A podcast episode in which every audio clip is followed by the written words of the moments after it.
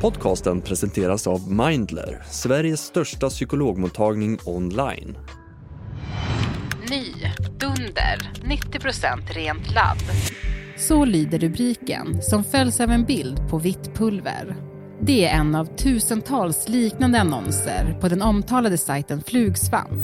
Flugsvamp har liknats vid ett Blocket eller Tradera för droger med en knarkförsäljning på 30 miljoner kronor varje månad. Det handlar om den största svenska knarksajten på Darknet där gängkriminella nu hittar nya och rikare kunder. Det kan handla om ungefär en miljard kronor då, som är Darknet-handeln kan vara värd.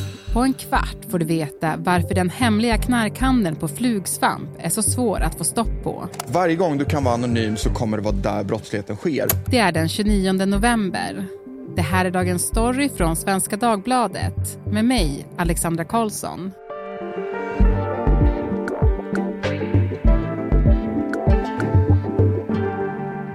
Gäst idag, Henning Eklund, techreporter på SvD. Du Henning, du har två datorer med dig här i studion. Ja, jag har min vanliga jobbdator så jag har lite koll på mina anteckningar, men också Darknet-datorn. Vad tycker du? Ja, den ser verkligen ut som en sån, eh, ja, men det är en PC eller? Ja, det är en gammal PC. Men vi har ju lite IT-säkerhet här på jobbet som har liksom, kunnat kringgå med den här Darknet-datorn så vi ska kunna komma ut och surfa på de här sajterna trots diverse säkerhetsblockeringar och så. Mm. Men du Henning, Darknet, mm. vad är det egentligen? Visst är det, det låter spännande, bara namnet Darknet. Verkligen. Man kan säga att det är den delen av internet som är, den är inte sökbar via några vanliga sökmotorer, Google till exempel och den är krypterad i grunden. Liksom. Så man vet inte liksom att här är en server som står och håller uppe den här hemsidan, utan det är en massa olika lager av anonymitet däremellan som gör att man inte vet vilka som står bakom en viss sajt till exempel. Mm. Eh, och här finns det ju en del oegentligheter som eh, pågår, droghandel och annat. Och det har ju varit känt länge, men det jag har tittat på är ju liksom kopplingen mellan den här handeln och de kriminella gängen i Sverige. Mm, ja, men precis. För du har gjort en granskning där du kan koppla då att knarkförsäljningen på Darknet har mer och mer tagits över av de kriminella gängen som tidigare kanske haft sin största verksamhet ute på gatorna. Först, varför är det här en grej?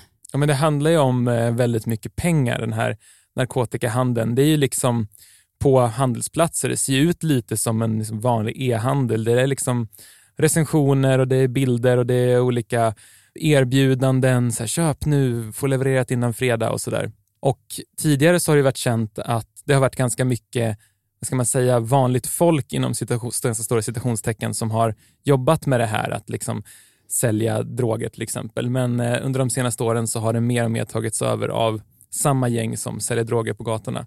Mm. Vet man varför det här skiftet har skett då? Alltså det man kan säga generellt tror jag är att de gängkriminella har blivit bättre och bättre, duktigare och duktigare på att tjäna pengar i en massa olika former. Det kan handla om liksom allt från bedrägerier och kidnappningar och liksom allt möjligt. Men eh, det tror jag är det stora skälet. Och det är ju lite tekniskt svårt och avancerat. Man behöver ju vara lite liksom, IT-kunnig för det här och den kompetensen verkar gängen ha skaffat sig nu. Mm. För det finns ganska mycket pengar att tjäna på Darknet, eller hur? Ja, men exakt. Polisen som jag har pratat med uppskattar att ungefär 10 procent av narkotikahandeln i Sverige sker på Darknet. Och då är nästa fråga, men hur stor är narkotikahandeln då? Och där är ju spannet ganska stort. Det finns liksom olika gissningar och uppskattningar, men det är svårt att kartlägga liksom hur stor andel av knarkhandeln som man faktiskt liksom känner till och hur mycket som pågår i, i det dolda. Men en hög uppskattning är att det kan handla om ungefär en miljard kronor då, som Darknet-handeln kan vara, kan vara värd. Och det är ganska mycket pengar. Mm, otroligt mycket pengar. Hey, I'm Ryan Reynolds. Recently, I asked Mint Mobile's legal team if big wireless companies are allowed to raise prices due to inflation. They said yes. And then when I asked if raising prices technically violates those onerous two-year contracts, they said, "What the f*** are you talking about? You insane Hollywood ass." So to recap, we're cutting the price of Mint Unlimited from $30 a month to just $15 a month. Give it a try at mintmobile.com slash switch. $45 up front for three months plus taxes and fees. Promoting for new customers for limited time. Unlimited more than 40 gigabytes per month. Slows. Full terms at mintmobile.com. Men den här försäljningen då, eh, som sker på Darknet, eh, den sker på en sajt som heter Flugsvamp. Den kanske man har hört talas om någon gång. Mm. Men vad är Flugsvamp för sajt? Ja, men det är en handelsplats där egentligen vem som helst kan skapa ett säljarkonto eller ett köparkonto och så lägga upp en annons eller handla i annonser som redan finns. Så liknar ju lite ett Blocket typ i den meningen. Det har funnits flera versioner tidigare. Den som är uppe nu heter Flugsvamp 4.0 och det syftar ju på att tre tidigare som har stängts ner av polisen genom åren. Landets största näthandelsplats för narkotika, sajten Flugsvamp 3.0, har stängts. Flugsvamp Exakt vilka som ligger bakom den och så, det vet vi inte för det här är fortfarande hyfsat nytt. Men det finns ett antal tusen annonser ute just nu och eh, ett antal hundra säljare, så det är ändå en ganska omfattande handel. Och det här är ju bara för Sverige, då, liksom på svenska allting. Och det är som experter jag pratar med säger att Sverige är ganska unikt i att ha en droghandelsplats på Darknet, liksom, där vanligt folk köper knark. Alltså, I Sverige, det finns olika internationella sajter också, men vi är ganska unika genom att ha en egen Darknet-marknadsplats. Mm. Och att sälja droger på gatan, det kan man ju ganska lätt föreställa sig hur det går till. Men hur säljer man droger på Flugsvamp? Ja, man måste ju skapa lite av en business här då. Så först måste du få tag på drogerna på något sätt. Och de säljare som är kopplade till de kriminella gängen vet ju hur man gör det genom att smuggla på olika sätt och sådär.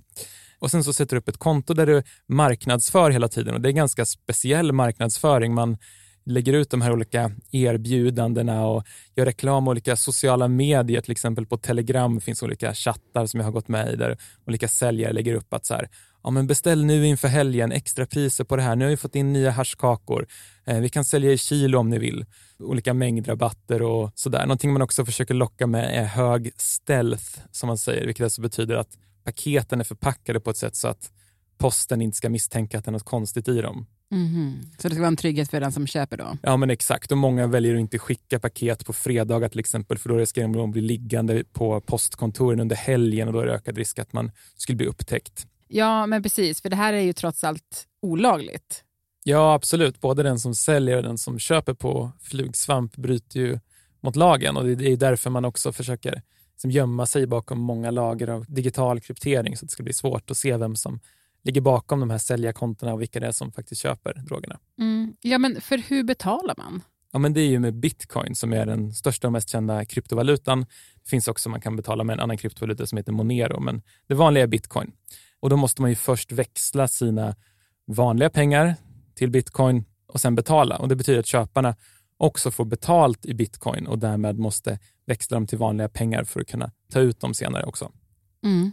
Alltså det är ju lite mäckigt om man inte är väldigt teknisk, eller? Ja, men precis. Man behöver vara lite tekniskt kunnig för det här och det är kanske är därför det har dröjt ett tag också innan eh, gängen har gett sig in i det här. Men nu verkar det som att de har på något sätt skaffat sig det här tekniska kunnandet. Mm. Och Som jag har förstått det så är det också helt andra köpare som köper droger via Darknet än på gatan.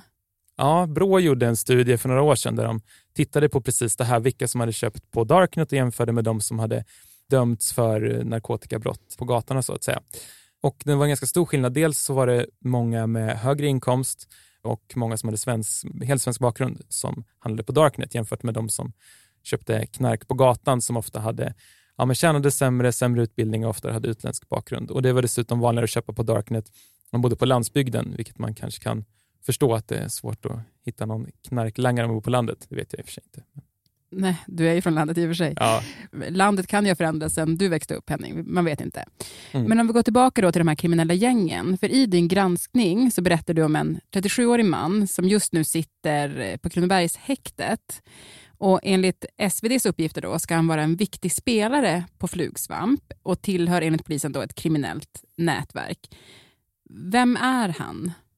Ja, men det är en, som du sa, en 37-årig man som är dömd för ett antal brott sedan tidigare och eh, polisen bedömer att han är med i ett kriminellt nätverk med mycket högt våldskapital. Och han misstänks då alltså av åklagaren att ha spelat en väldigt viktig roll på Flugsvamp och haft ett antal liksom, personer under sig som har skött den liksom, fysiska hanteringen medan han har varit någon slags spindeln i nätet. Vi ska ju kanske säga också att hans eh, advokat säger att eh, han nekar till alla anklagelser också och något åtal är inte väckt än. Så vi vet inte liksom, exakt vad han misstänks gjort på Flugsvamp, men att det finns han är ett tydligt exempel på den här kopplingen mellan de kriminella gängen och eh, den här droghandeln. Mm. Och polisen och åklagaren bedriver väl just nu en förundersökning som jag förstår det, så man ska kunna bevisa det här. Och, och Då kommer man in på liksom hur hittar man bevis på saker som sker på Darknet. För mig själv, när jag tänker på det, så känns det som att det skulle vara mycket svårare att hitta bevis på Darknet än mot någon som säljer droger på gatan. Är det så? Ja, men så är det. Det är, ju svårt att hitta till exempel ja, men loggar över saker man har gjort på Darknet i och med att det är, liksom är mycket mer eh, anonymt och krypterat allting. Men det finns ju ett antal saker man kan göra. Till exempel de här kryptovalutorna som man köper och säljer med. Alla transaktioner där lagras på blockkedjan som det heter. Det är lite tekniskt, vi behöver inte gå in exakt hur det funkar, men man kan i alla fall få en viss insyn i hur de här bitcoinen har rört sig. Och Det är ju ett spår som åklagaren och polisen tittar på just nu. Till exempel. Sen har man även gjort ett antal beslag hemma hos den här personen, då datorer, telefoner och så vidare. Så jag vet ju inte exakt vad de har fått ut, men det finns ju möjlighet att utreda det ändå.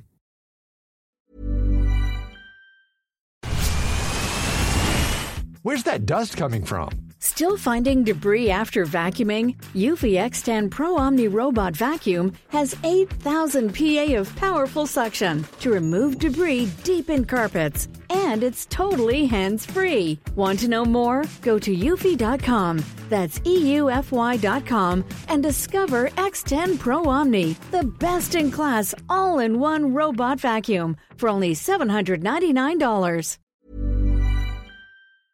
Men en sak som förvånade mig i din text, det var ju också att, att polisen sa att ibland var det lättare att kunna spåra transaktioner som sker alltså via kryptovalutor än när man använder, liksom, nu höll jag på att säga riktiga pengar, men pengar, liksom kronor ja. eller dollar. Ja men exakt, det är lite komplicerat för det, det går ju som sagt att spåra liksom alla transaktioner, egentligen ska det göra det. Sen finns det också ett antal metoder som man, om man är kriminell eller ja, av andra syften också, kan försöka dölja sina transaktioner också och eh, liksom obfuskera och göra det svårt att se eh, och, få, och få insyn här. Så det blir lite liksom en katt och råtta-lek där det finns företag som är väldigt duktiga på att spåra på blockkedjan, men det finns också experter som kan försöka dölja det här också. Och en annan fråga i det här är ju vilken kompetens polisen och andra myndigheter har i liksom att analysera transaktioner på blockkedjan. Och där säger en polis som jag intervjuat att vi har den kompetensen, men vi har inte speciellt många som kan det, så vi kan inte göra det i speciellt många fall. Mm.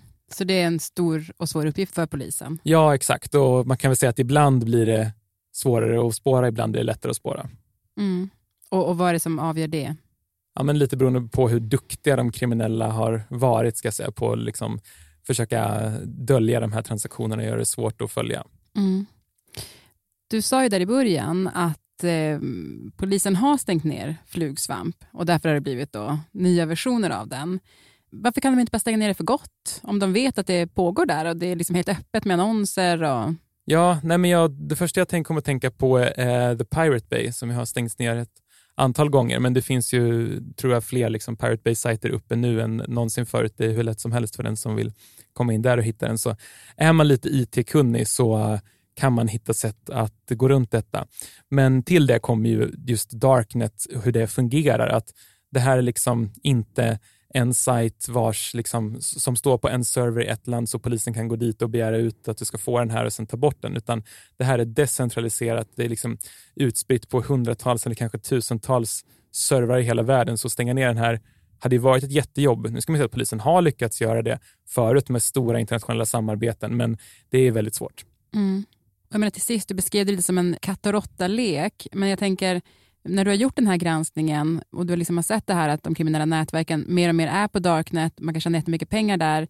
Vad tänker du liksom kommer hända framåt? Man kan ju absolut tänka sig att det kan fortsätta växa det här. Det är ju redan nu tusentals annonser och hundratals säljare på Flugsvamp och det är ju lite mäckigt rent tekniskt att liksom ta sig in där. Det tar lite tid att komma in på de här forumen, men eh, i och med att fler och fler kommer lära sig det och kanske de kriminella gängen kommer känna sig mer och mer bekväma med den här tekniken så kan man definitivt tänka sig att det kommer att växa och kommer att bli mer och mer populärt och många ser det som att det är väldigt riskfritt jämfört med att till exempel stå på gatan och sälja droger. Men man ska också samtidigt komma ihåg att polisen blir ju också bättre och bättre på det här och försöker utreda de här brotten och man har ju tidigare liksom knäckt krypterade chatttjänster som kriminella trodde var helt säkra och har ju som sagt stängt ner Flugsvamp flera gånger tidigare. Så det är verkligen en katt och råtta-lek som kommer fortsätta. Mm. Tack Henning. Tack. Och producent idag var Daniel Sävström, redaktör Stina Fischer. Och om du vill kontakta oss så mejla till dagensstory.svd.se.